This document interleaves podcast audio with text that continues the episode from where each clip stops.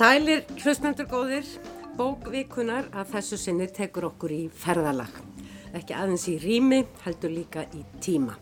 Þetta er skáltsagan Ína eftir skúla Tórótsen lögfræðing sem segir frá ferðalagi þíska ljósmyndarans sem síðar varð og ferðabóka höfundarins Ínu von Grumkov sem kom hinga til lands árið 1908 með þá frómu óskibrjósti að komast til bots í kvarfi elskuga síns, jarfræðingsins Walters von Knebel. En hann á samt félaga sínum, Max Rudolf, hefur að líkindum druknað í öskjuvatni og það gerðist árinu fyrr og lík kvorugs þeirra félagana hafa nokkru sinni fundist. Með Ínugrum Koffi för var jarfræðingurinn Hans Rekk sem síðar var einmaður hennar. Ína skrifaði bókum ferðalag sitt hingað, Ísafold, Ræsibilder ás Ísland, sem kom út í Berlín strax ári eftir ferð hennar hinga til lands, en ekki á íslensku fyrir árið 1982 í, í þýðingu Haraldar Sigurssonar og byggir skúli bók sína að miklu leiti á bók ínu.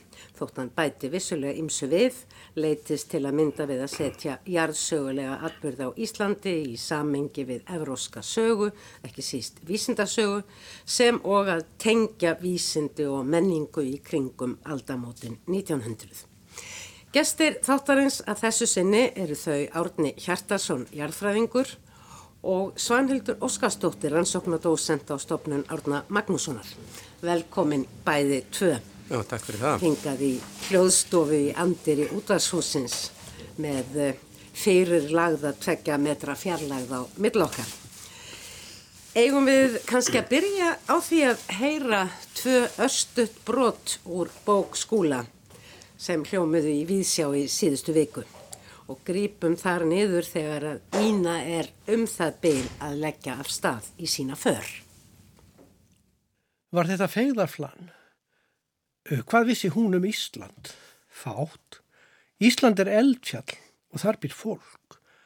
Valder hvarf þarna spólust, óskiljanlegt. Samt höfðu Íslendingandir leitað. Farið um fyrnindin til að leita á vatni og borið þangað báti við raunin engin spór. Erfiðað fyrir útlenska menn af því að líf var í húfi. Lífið skipti máli. Að vita hvað gerðist skipti máli. Þeir vitaða Íslandingarnir. En allt kom fyrir ekki. Engin skýr svör lágu fyrir og hún varð að fara þangað sjálf. Skoða aðstæður. Reynað skilja. Fá að vita hvað hafði gerst og geta brugði þú ekki væri nema veiku ljósi á það sem gerðist, gatt hafa gerst. Leita sannleikan um orsök þess að Walter og Max hurfu, svona vovegilega og sporlust. Og síðan grípum við niður í sögunni þar sem að Hans Rekk og Ína von Grumkó eru komin til Kaupmannahafnar og heimsækja Vín Valters Þorvald Tórótsen. Heimilið Þorvaldar er á nýburðar. Stofunar búnar teppum og dökkum málverkum og upp á skápstanda erilitaðar brjósmyndir af tónskáldum og spekingum fortíðar. Tveir nettir sem tákna heimin og jörð eru í glukkakistu. Tífandi standklukka slær slátt sína hálfrastundar fresti og fuggl skýst út úr klukkúsinu með gugúi og tilkynir hvað tímanum líður. Þetta er svissnesk alpaklukka innan um bækur þar sem kyrðin er í öndvegi. Bækur eru á öllum borðum og tvær orðabækur, latnesk og þísk liggja í famlögum og mynda tvíhöfða veru eins og hinn mannlega tvend manns og konu sé saminuð í eitt í famlagi bóka. Bókasapn þekur alla veggi til lofts í vinnuherbyrki Þorvaldar sem kemur sér fyrir í hægindastól. Á litlu borði við hlýð hans er lampi og botli með svörtu kaffi og þau setja skengt honum í sofa og eftir að þau hafa ráðfært sig við hann um Íslandsferðina spyr Ína Þorvald hvort sagan sem hann gaf Valter, Bildur og Stúlka, eigi sér stóði raunveruleikanum. Er ekki allar sögur raunverulegar þótt þessi skáldaðar, segir Þorvaldur. Hér kemur ákjærlega fram hvernig þessi saga fjallar um mann og konu pilt og stúlku, ástina, en líka er ferðasaga sem leitast er við að setja í víðara samhengi persóna og menningarsögu. Þorvaldur sem parnaði nefndur er auðvitað Þorvaldur Tórótsen jarfræðingur. Líklega sá fyrsti á Íslandi, átni? Nei, Nei. við erum vanið að telja Jónas vera, vera fyrstan. Jónas Hallgrímsson. Jónas Hallgrímsson. Hann, hann lög nefnilega prófi í jarfræðilegum greinum að jarfræði verður reyndar alveg á, í frumbernsku á, á hans Þeim tíma. tíma. En hann er, Þorvaldur er svona, hann er blanda af jarðfræðingi og landfræðingi og hann lagði alveg grundvöllin að öllu því sem uh, síðar hefur verið gert. Mm. En, en vel að merkja í bók Skúla Tóratsen, hann nefnir hann aldrei eftirnafnið, hann tala bara um Þorvald, Það er rétt. hann forðast nafnið Tóratsen. Já, enda hér afabróðir hans á ferð eins og framkom í viðtalinu í Víðsjá. Já, það eru fleiri Þorvaldsennar þannig í bókinni sem ekki eru nefndir með Tóruðsennar, nafni. já. Já. Uh, Tóratsennar. Já, Já. Hérna, uh, þeir eru eiginlega svona fulltrúar þeirra fræðasviða sem að þarna eru undirliggjandi, jarfræðinar, vísindana annars vegar og, og hugvísindana og menningarinnar hins vegar. Uh, mér langar svona til þess að byrja á því að stökka beint inn í þessi fræðasvið. Hvernig svona, bara í stuttu máli, hvernig finnst þið jarfræðin koma út í þessari bók? Já, mér finnst hún koma bara ágætlega út og ég hef nú aldrei lesið skáldsögu eh, sem er með jafn mikla, mikla jarfræðilegar upplýsingar eins og þessi mm. og þær eru eh, alltaf réttar og, og uh, settar fram á skáldegan hátt þannig að jarfræðin kemur vel út, mm. það verður ég að segja. En Svanvildur, tungumálinn og menningin, Já, þetta er náttúrulega, sagan er látin uh, gerist þarna í upphafi 2000 aldar. Það er svolítið skemmtilegt kannski að við séum núna að tala um þessa bóku af því að þess fyrir viku var eh, veröld sem var eftir Stefan Zweig bókvíkunar og þetta er eiginlega sami tímyndaldið og, og kannski spannar svolítið þess að eiginlega miklar umbreytingar sem verða um, nú á 19. öldinni ef við hugsum um, um hugvísindin þá eða vísind maður er heilt, ég meina hugvísindin ganga í kannski gegnum svolítið svipað e, þróskarskeið eins og náttúruvísindin gera með darfin og því sem á eftir því kemur. Í, í hugvísindurum þá er þá eru samanburðar málfræði til dæmis, þetta er blómatími samanburðar málfræði þar sem upplýkst fyrir fræðimönnum að, að tungurnar eru skildar ind og eurast tungumál og með því að stúdira sanskrit og allt þetta. Og það eru þessi mikli áhugi á því að leita skildleika og rekja hlutina aftur tengja saman og þetta er líka tími romantíkur og, og áhuga á hinnum, þjóðulega og fólksgæst, anda þjóðana og svo framvegis og þetta setur mark sitt á áhuga á til dæmis á, á norrænum og íslenskum fræðum sem verður mjög mikill á hennu þýska málsæði þarna á 19. öldinni og, um, og kindir undir almennum áhuga á landin og þarna þá byrjar þetta að tengjast saman, ekki satt mm. e, ferðalög, e, landið sjálft, bókmyndirnar e, og, og þjóðin og þar sem hún hefur framleitt og hvernig hún býr í þessu landi. Þannig að þú, þetta er svolítið sko baksvið. Svo náttúrulega erum við komin á sögutímanum, þá er í rauninni þetta kannski líka síðan að við að brotna upp og það er í bókskúla tekur hann hana inn í myndlist og listir og það eru, það eru þetta erum við á barmi nýra tíma með, með óhlutbundinni list og, mm. og í tónlist eh, erum við að fara að sjá e, tólftóna músík og allt mögulegt og í, í eðlisfræðinni er, eru hérna skamta, er atómið að, það eru við komin í nýjel spór og, og hérna afstæðiskenningun og svona veins þannig að þetta er algjörlega, þetta er algjör degla þarna í, í hérna, upphæfi 20. Mm. aldarinnar. En einmitt þetta með þjóðræknina sem þú nefnir að í rauninni sko e, bæði út frá vísindunum og jarðfræðinni og út frá e, bókmyndunum og e, e, sérstaklega bókmyndunum í, í menningunni að þá þá, þá hljómar þarna svona ímislegt sem að svona fær mann aðeins til þess að sko býttu nú við þetta átti nú eftir að verða eitthvað sem sagt síðar á, á, á 20. öldinni mér verður hugsað til samtalsins þarna á við svínstúi þar sem að þeir eru allir saman uh, uh, hugvísindamennir og jarvísindamennir og það verðist vera miklu minna byl á milli þessara fræðarsviða eða er þetta bara skálskapur hjá skóla? Já, það hefur alltaf verið dalt í byl á milli hugvísinda og rauvísinda. Uh, mitt, það, þetta bíl var að, var að breyka mitt á þessum árum og en skúli hann teflið þessu svona saman sko, hann, hann skemmtilegt hvernig lætur þá hittast á Víðs Vínstúi eða öllum, öllum börum köfmanahafnar og e, þar, þar eru þau náttúrulega að tala við Þorvald þennan mikla jærfræðing mm. en þeir eru hinn og eru, þeir eru að koma þarna af sko, fyrirlestri, jærfræðilegum fyrirlestri Já. og uh, þarna koma menn frá Þýskalandi sem eru Íslands áhuga menn en, en þeir eru ekki endilega jærfræðingar heldur eru þarna eru menn sem eru aðalega hugsa um bókmynd og þarna ræðist þetta allt saman saman sko í, á því þessi vinstúi mm. undir, undir söng hérna Svíjans úr, úr hérna, Bellmans lögum Já, hann er alltaf verið að koma að Bellman að þetta eru svona hann, hann, hann stillir þarna saman sko svona helstu forvísmönnum jærfræðinar á þessum tíma, er það ekki? Jú, hann gerir það, sko þetta eh, upphefst nú allt saman með öskjugósinu 1875 mm. og sagan náttúrulega byrjar í, í, raun og veru þar uh, þar kviknar áhugum hana á uh, Íslandi, Íslandi og Ösku. Já, Ösku, hún verður eiginlega Öskuvatni verður til þarna. Og Þorvaldur er að lýsa þessu.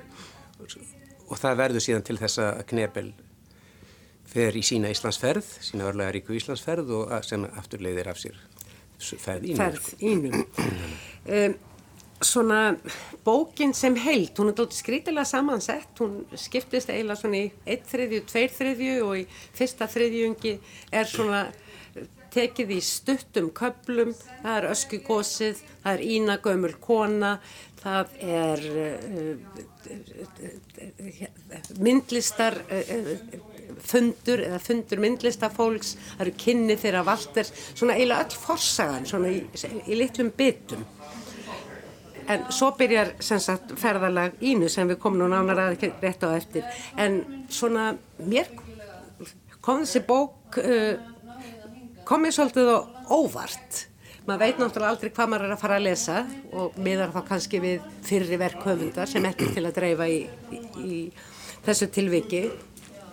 Eða, og ég þekkti til þessar sögu, hafði lesið hana fyrst einhver tímanu um miðjan 8. áratugin og uh, uh, þá var ég að undirbúa mig undir það að fara í mína fyrstu ferð sem leðsögumæður og var með þíska bók sem hétt Insel of Feuer und Eis, Eija Elds og Ísa og þar var þessi, þessi mikla örlaga saga skráð og ég sagði þetta náttúrulega alltaf öllum túristum sem ég átti eftir að leiða um landið. Þekktu þið þessa sögu? Ég ger áfram að þú að þekta náttúrulega en þú sangilur. Nei, ég hef nefnilega þekkti ekkert til hennar og mér finnst það mjög skemmtilegt að hafa kynstenni sko með því að, að lesa bókskóla og svo reyndar varði ég mér úti um, um líka uh, bók Ínu sjálfrar og las hann líka því að uh, þetta bara kvekti alveg í mér þetta efni. Þetta er náttúrulega mikil örlaðar saga og, og en, en eins og þú komst inn á þá er emitt bókskúla er svolítið skringil í læginu mitt, hún er svolítið afturþung. Um, af því að og, og mér fannst hún einmitt, mér fannst hún byrja mjög skemmtilega Það er að segja, mér finnst það skemmtilegt hvernig hann lýsir öskugósinu 1874 með, því, með áhrifum þess á fólk á ólíkum stöðum sko. Í Mývasveitinu og fyrir austan og, og vesturferðirnar og... og í Noregi og í Svíþjóð. Akkurat. Og það svona, þannig að það gaf mér einhver fyrirheit um einhver ákveðna byggingu á sögunni sem að reyndist, að, svo reyndist þetta alls ekki vera þannig sko síðan eh, verður allur síðari hluti bókarnar er unni svona eitt stykki sem er einmitt lýsing á ferðalagi ínu og hennar samferðamanna Einmitt og eins og ég segi við komum kannski að því síðar hvenna frektir þú? Er þetta eitthvað sem að maður læri bara í fyrsta járfræði tímanum? Já, ég, Ég hafði ekki lært þetta í minni jarfræði í mentaskóla. nei, ég, ég bara þekkt þessu sögu frá, ég veit ekkert hvernig ég heyrði hana fyrst, ég fengið tjónu frumbensku, ég er nú alveg upp við svona sögur af uh, pólförum og landkönnuðum og, og svona þetta var eitt af því sem að síðaðist inn í mig í, í barnæsku. Og svo er, er nú ágætlega sagt frá þessu í bókinu Ódáðarhraun eða bókonum með Ódáðarhraun eftir Ólaf Jónsson. Í fyrsta heftunni þar er greint frá þessu uh, slísi en að vísu lítið talað um Ínu og hennar ferðalag. Já. en uh, ég hef, já, sem sagt þekkt þetta- þessa sögu alla tíð. Og þetta varð uh, greinilega mjög umtala náttúrulega. Slísið vakti mikla aðtikli bæði hérlendis og líka í Þýskalandi og það gengu um þetta náttúrulega alls konar sögur og kjaftasögur og ýmislegt. Þannig að þetta var þetta kannski bara ennþá eitthvað sem var, var sagt frá í, mjög, í svona munleri geimt í Svarvæðardal því að þú varst allast upp. Já, ég held það. Mm. Það var náttúrulega þarna þriðji maður, þessi spedmann. Já, já, það var hann þrýði maðurinn og svo voru, voru náttúrulega upp í getgátur og reyndar blaðaskrif. Uh, ég, man, eftir einnig grein sem að hérna ég rakst á eftir Benjamin Sigvaldarsson í tímanum frá 1963 uh, að þá uh, er hann að reyfja upp þessar sögursagnir um það að slísið í öskju hafi ekki verið slís, heldur hafi þetta verið morð. Mm.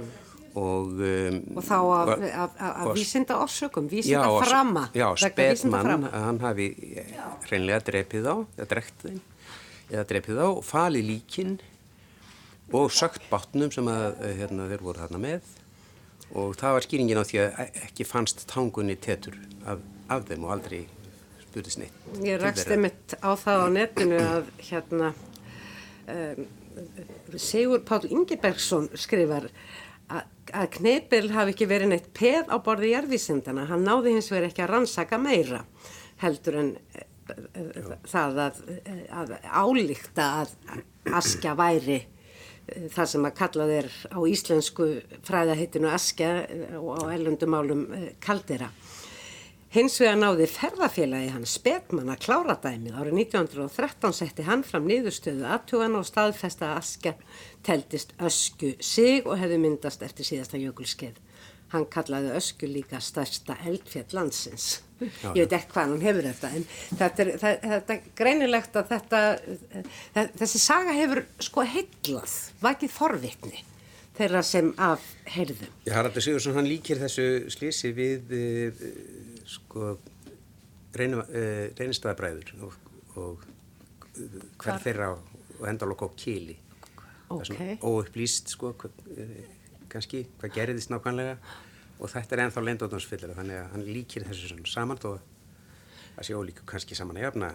Já, og svo hefur þetta náttúrulega, þetta hlýtur að hafa haft sko áhrif á, það er þetta, uh, áhrif á fólk uh, þannig fyrir norðan þegar þetta gerist, því það eru þetta svo margir sem koma líka að, það eru fylgdarmenn sem fara menn með báðum þessum, og já, allt leiðungrunum og svona, þannig að þetta hefur verið svona álægt uh, fólki bara uh, þessi örlög í rauninni. Og þeim fannst ju báturinn skrítin sem þeir höfðu meðferðis. Já, það er einmitt, var mikið talað um, hel, já, var hann ekki kallaður helviti spáturinn. Lítið spáturinn, já, já. Já. Þannig að það kemur, þetta er alltaf, það verður svona mm. þjóðsagnarblæra auðvitað, það eru svona fyrirbúðar um að eitthvað ílt sé í vendum og svo framvegs. En skúli hefur sem sagt svona mestan áhuga á ínu þó hann vilji gefa okkur eh, allar forsendur og heyrum aðeins stutt brot þar sem að uh, tók svona saman nokkra búta svona hvaða leiðarljós skúli hafði við, uh, við það að segja þessa sögu. Auðvitað náttúrulega er ég að fylgja leiðalýsingu ínu sjálfurar og kannski er ég að krydda hennar leiðalýsingu, hennar lýsingar á Íslands náttúru með minnum eigin upplifunum og að tengja að því er ég held hennar tilfinningar við landið, hvaða áhrif hérna kannski landið hefur á hana til þess að ná sér út úr sorg og söknuði. Ég bara ákvað það að reyna að tekna upp fyrir sjálfa með einhvers konar mynd af umhverfinu. Ég ákvaða að sleppa því að fara að, að hérna, vera að segja eitthvað sannleika. Mér langaði frekar að eh, segja sögu eins og ég held að hún gæti kannski hafa verið. Og þetta harnjóskulega land sem við búum í, það er eiginlega þessi örlaga saga Ísland sem kemur allstaðar við sögu. Við erum alltaf að glýma við náttúruna eins og hún er, eins og hún kemur fyrir, við erum að takast á vera bara núna á þessum dögum. Það er að segja íslensk náttúra, harneskjan og fegurðin og ef að maður sjálfur eins og, eins og ég hef komið á alla þessa staði sjálfur þá er maður kannski að skrifa sína eigin sögu, sína eigin tilfinningar til landsins, þetta er svona kannski ástaróður til Íslands í leiðinni. En mig lákaði þess að skiknast nánar svona bak við söguna. Var sérlega kynast þessari konu betur, því að þetta var svo óvenulegt að kona á þessum árum tæki sig upp í slíka ferð.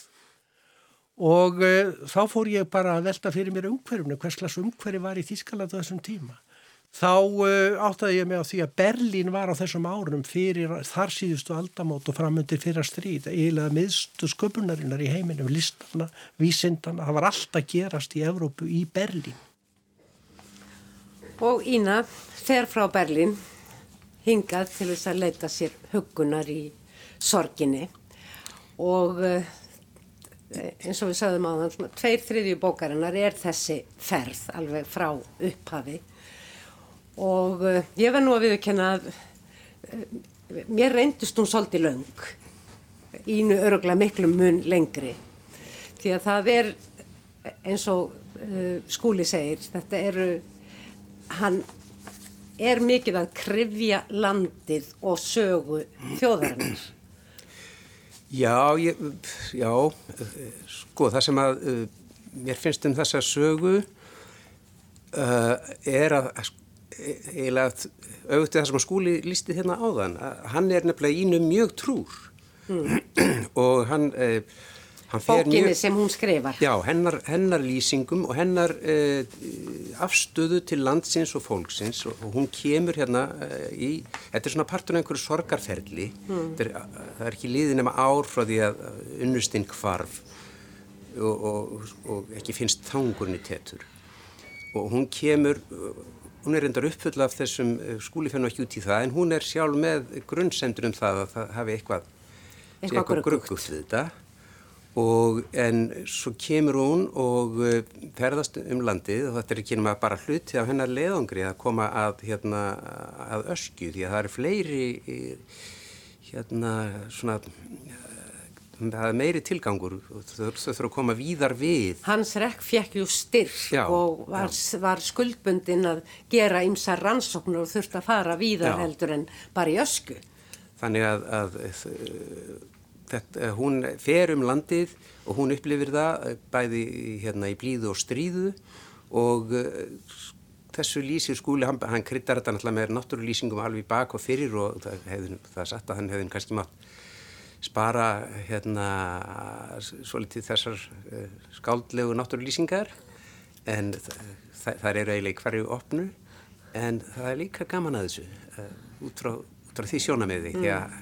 Eru þessar náttúrulýsingar svona ítarlegar hjá ínu? Nei, þær eru það nú ekki en er, þetta er samt sem að hennar tilfinning, maður, það er skínað hann í gegn. Já. og Ína er myndlistarmanniski og hún er að mála þetta, skúli er náttúrulega myndlistarmann líka og hann lýsir málverkonum og tilfinningum hennar gagvart litum, uh, norðursins og allt það. Mm. og uh, já, þannig að og svo er skúli sko ljóðskáld.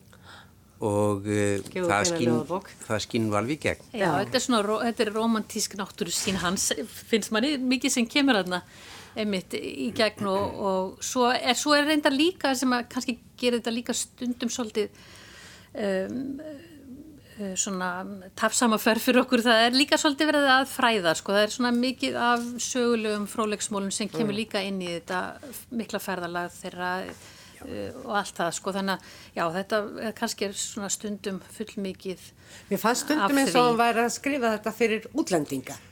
Já, að upplýsa hvað, hvað afleðingar hitt og þetta raunrensli hefði haft og, og svo framvegis. Já, ég taldi, ég gerði það kannski mín að telja saman hvað nefndi mörg og, og eiginlega listi aðeins mörgum eldgósum, þetta er náttúrulega bara átt að þjóðarinnar við náttúruöflin mm. sem þetta er á ferðinu og það er, má segja það er að knefila hafi tap að vissuleiti fyrir náttúruöflunum þegar hann ferst í, í skjöfni. Mm. En skúli nefnir þarna átta eldgós frá upphæfi Íslands byðar og allt til 1875. Ég rauninni bara fra, aftur á 13. öll. Já, alveg frá, El- alveg frá, eitthvað alveg frá eldgjárgos er það Já, já. Jú, það var, það var Já. 940 eða svo.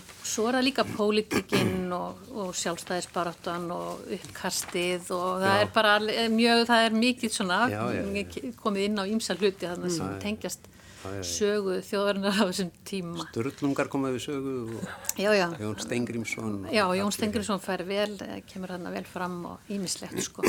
og þetta, já, þetta, mér finnst þetta að lítast, lítast mjög mikið á svona romantík og það, mér finnst það líka vera með, með ínu sjálfa, mér finnst uh, svo ína sem að skúli dregur upp, það er romant, svo, dálítið svona romant, hún er sínd svolítið, finnst mér í romantísku ljósi, þetta er einhvers konar kvennmynd eilíðarinnar, þetta er Einhvers konar fjallkona. Já, og þetta er, og þetta er kona sem að, sem að um, það er ekki mjög mikið, hann lýsir ekki mjög mikið samskiptum hennar til dæmis við uh, aðra en samfæðamennina, eh, ekki við kannski fólki. Hún er mikið ein. Hún mikið ein og svona er inn á við og hugsa um sína harm og, og svo framvegis. Og svo er hún kona sem að uh, þarf á því að halda einhverjirinu hugsi um hana og verndi hana og, og, og, og hann, seg, hann lætur hann að segja eða hugsa í upphæfi bókarinnar að hún ætla að finna ástina á Íslandi.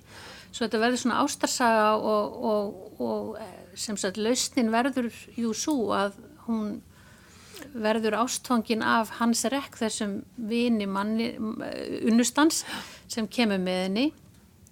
Og um, þetta er allt, þetta er dálítið svona bara einmitt eins og þú nefndir á Jórun, Pildur og Stúlka, Jón Tórótsen Ja, kemur- kemur nú dálítið mikið hann við sögu einmitt og, Já, já, og bókin, og bókin Piltur og Stúlka. og bókin Pildur og Stúlka sko, svo þetta er, og þetta er allt þetta þessi fallega náttúra og þetta fólk þannig í henni svo það er óneitanlega dálítið svona endur ómur að bergmála því öllu. Svo þegar ég sem sagt fór að lesa bók Ínu sjálfrar þá hérna byrtist mér allt önnur Ína.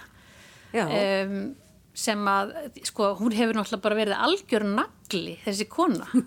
Þetta er, þetta er, það var bara ein önnur kona sem hefði komið til Íslands, eh, í, uh, ferðast um Ísland, svona, uh, sem hefði komið erlendis frá til að ferðast um Ísland á eigin vegum, ef við getum satt sem svo. Hinn var Ída Pfeiffer sem held að hafi verið austuríkis uh, maður og hún hafi verið um miðjaöldina og Otni G. Sverrisdóttir uh, hefur sk- skrifað skemmtilega grein um Einmitt. þessar tvær frásagnir þegar Ída Pfeiffer byrti líka frásagn af sinniferð, þetta eru doldi ólíkar frásagnir og, og Ína okkar, Ína von Grumkov hún, uh, hún, er, hún er miklu svona kurtisari í garð uh, Íslendinga og, og, Og nýtur fer, svona já, betra allætis að þeirra hálfu. Já, allavega minnstakosti já, hún lýsir samskiptum sínum af meiri kurtis og þetta eru sjálfsagt mjög ólíka bækur. En sem sé það sem ég ætla að segja Ína held ég hafi verið algjör nagli og þegar maður les frásögn hennar af þessu ferðalagi þá fær maður mjög sterka tilfinningu fyrir því hvað þetta var erfitt. Og þetta eru sko 10-12 tíma uh, dagleiðir á hestbaki eða stundum gangandi teimandi hestana og fyrir utan það að svo sér hún líka um að kokka onni allan mannskapin og þegar það er komið í náttstað þá þarf hún að draga fram prímusinn og, og opna nýðusudósinnar og svona. En hún sko vorkinni sér ekki og hún hefur líka lagt alveg sagt, grundvöllin að þessari ferð sko, hún skipulegur hana og, og, og hún sækjur um styrk og fær og, og þannig að það er ekki eins og hún er sko miklu meiri gerandi heldur en kannski svo ína sem að maður sér í bók hans, og allavega hans heldur en jafnvel sá uh, hans rekk því að við, hann er svona daldið eins og skuggin í, í kringum hana og fer svo og rannsakar eitthvað og kemur svo tilbaka og leggur handleikin yfir öxlina á henni og horfir í augun á henni og, Já, mjög og svona- varlega samt. Ha? Mjög varlega. Mjög varlega. Já, hann er, hann er ekki ágengur en uh, það er alveg rétt að hún er í raun og veru skipilækjandin finnst mér, en það er það þannig, í, var það þannig í raunveruleikanum að sem að skúli nefnir ekki, að það var mikill aldursmunur á þeim. Hans rekk var 22 ára þegar, þegar þetta var bara stúdent, ung stúdent næstu því Og, en hún var, Hann var svona ungur, hún var ég vissi hann var 36, yngri, já, Já, ég hún vissi var að hann 14 var, ára aldursmurraðin. Einmitt, sko, þetta er og Valger von, Kne, von Knebel var líka talsvert yngri Já, hann. hann var talsveit yngri. sko. Svona gefin fyrir sér yngri menn. En, en saga hennar, mér finnst hennar ferðasaga vera alveg frábærlega góð og, og um mitt lýsingarnar á landi og þjóð og þetta hefur náttúrulega líka, þessi saga hennar sem hefur orðið mönnum miklu meira einhvern veginn svona að anda gift eh, heldur en eh, heldur en hérna ví- Heldur en atbyrðurinn atbyrðurinn sjálfur. sem slíkur sko. Því að, að hérna, Sigurjóna Skeving eh, er kona á Selfossi sem að hefur stúderað uh, ja, ínu og, og knefnilegangurinn skrifaði B.A.R. gerðum þetta hér upp úr 2000 og svo þýttun bók eftir þískan mann Franks uh, Söröðir um uh, sem er svona sakfræðileg úttekt á þessu slísi og hún heitir Hula Þagnarinnar Þetta er svona bók sem hefur einhvern veginn farið undir radarinn eins og sagt er hjá, Já. hjá flestum. Ég hafði ekki hýrt um hana. Það er fræðibók, er það ekki? Jú, það er svona fræðbók. Svona, og- eða hann er, hann er blaðamaður held ég, er það ekki já, höfundurinn? er, já, hann er bladamaður höfundurinn. Og, Hann er trúr heimildum. Og, og Sigurjóna Skeving, hún gaf, gaf þetta bara út sjálf, fekk ekki útgefanda að þessu. Og um, þannig að það er erfitt að, að fá þessa bók í, í bókabúðum. En, og ég náði henni ekki, eh, en hún er að leiðin til mín í posti. Já, mér lókar að lesa hana líka. Já. Áhuga á því. Já, er mjög áhugavert. En það er, það er, líka, það er eitt sem er alltaf sérkjænlegt einmitt út af þessu að, að þessum ástarsögu þættu og þessu drama að það er engin einasta mynd af, Ínu Grunkoff í bókinni. Það fullt af ljósmyndir sem þau tóku, hans rekk var með myndavél og þau tóku myndir. Í ekki- bók hennar? Í hennar bók, en ekki hvort af öðru. Og það, ég hef bara fengið eina, eina mynd af Ínu á, á netinu og þar er ekki neina fegurðardís að ræða það. Heldur, er, þetta er mjög dökkleit mynd og maður getur ekki ráðið að því hvort konar var fríðið ófríð. Og Gerður Steinforsdóttir, hún skrifaði greinum um þennan leðangur hennar á 100 ára amalín, amalinu morgunblæði held ég. Já. og það sem hún einmitt veltir þessu fyrir sér var eitthvað aðinni útlitslega? Er það skýringin á því að það er hverki nokkur stað að mynda henni?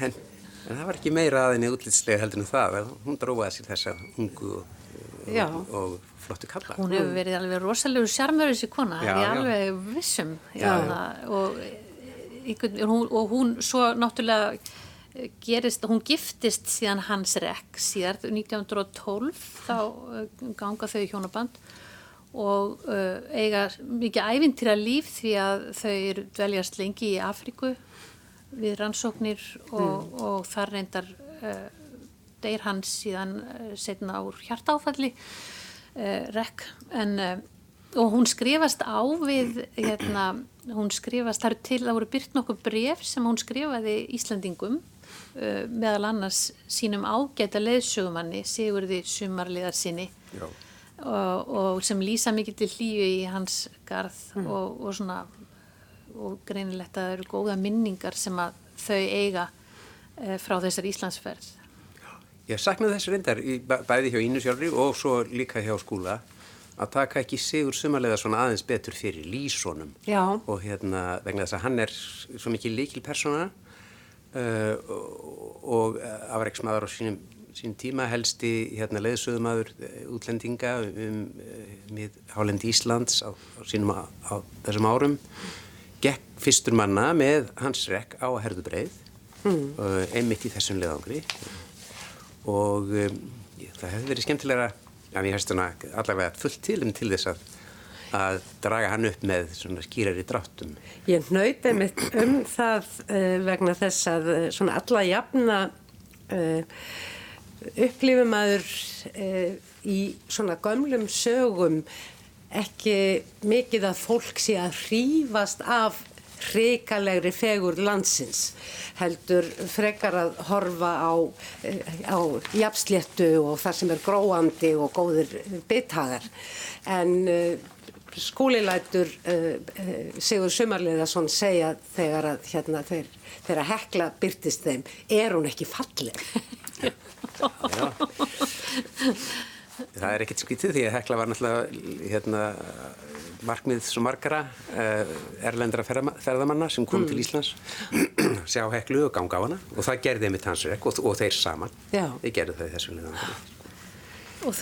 Ína gerði það vísu ekki en hún, eh, en hún málaði stað tók málaði meðan þeir gengur á fjöllin Já Ég, ég fyrðaði meili á því að hún hafi verið svona þreytt hvað hún verður oft eftir þegar að þeir fara að skoða eitthvað sérstakt. Í, í bók, í, í, í skáldsögunni? Já.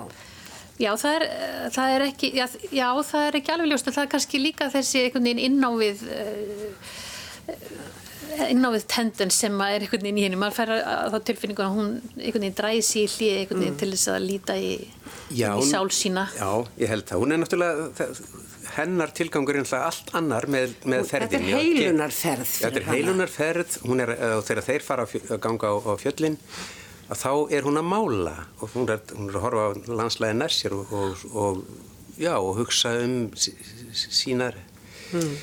Já, sínar raunir kannski. Það kemur nú lítið fram svona í hennar sögu, svona hvað hún hugsaði þannig, en þó gefur hún miklu meira af sér tilfinningarlega heldur en að margir af þessum eh, ferðamannum og sérstaklega þegar mann voru nú miklu garpar að þá töluðu þeir aldrei um einn tilfinningar Nei. sorgir eða gleði það er einmitt í hennar, hennar já, akkurat í hennar frásögn hennar sjálfur ínu þar, þar er þetta einmitt mjög klárt að hún hún, er, hún nota tíman til að búa til myndirnar sko, já, og já. mála allt það. Það er eh, svolítið munur milli skáldsögnar og hennar frásögnar og, og, og það er mjög gaman að lesa í hennar frásögn ymmit um, það hvernig hún lýsir landinu, hvernig landið orkar á hana mm. og sem að skúli tekur síðan svolítið upp í skáldsögunni.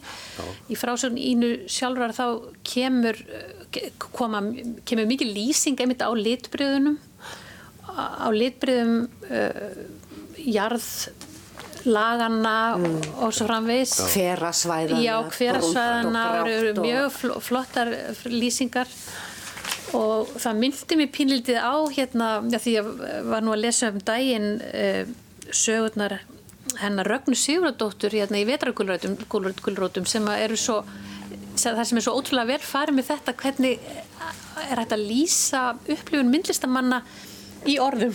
Já, já, já, það kemur það gerir skúli, hann, hann lýsir myndunum hennar uh, og hérna og eins og hann gerir ekkit mikið að því að fara út fyrir, setja á svið atbyrði sem ekki í raun og veru gerðist en mm. samt kemur það nú alveg fyrir. Mjög skemmtileg lýsing af því þegar Íta er að búa sig Ína. undir ösk, Ína er að búa sig undir öskjuferðina og hittir, er á Akureyri og hittir Mattias Jökkumsson á Sigurhæðun mm.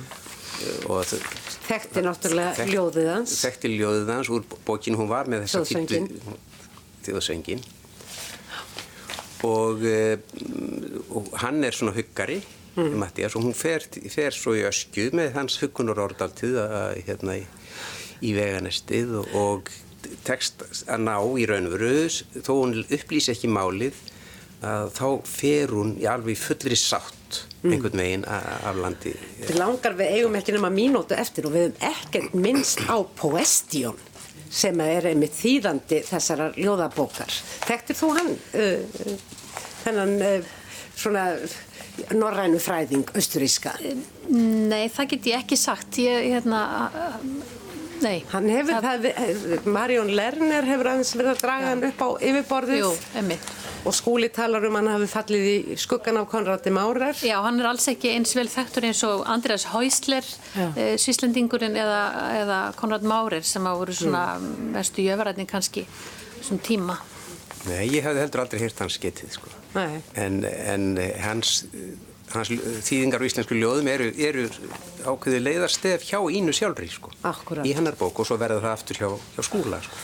Við hefum heldur ekkert minnst á það hversu sannfærandi þér þykir átni þessi lýsingsskúla á hvernig slísið bara að. Já, hún er bara samfærandi. Ég trúi á, á þá uh, Þessa- laust gátunar.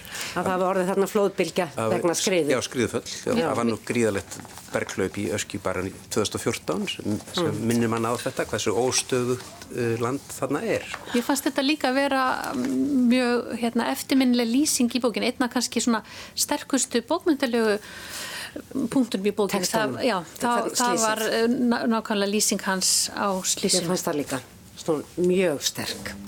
En við verðum að slá botnin í þetta.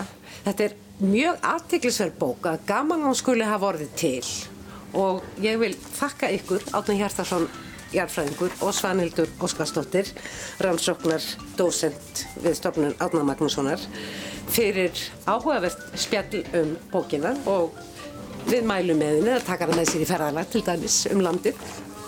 Já, Uh, Einar Sigursson var tæknimaður í þessari upptöku sem að framfór í sérstöku sótt kvíjar uh, COVID-stúdíó í Andiri Útvarshúsins. Ykkur hlustundur góðir þakka ég áhernina, verðið sæl.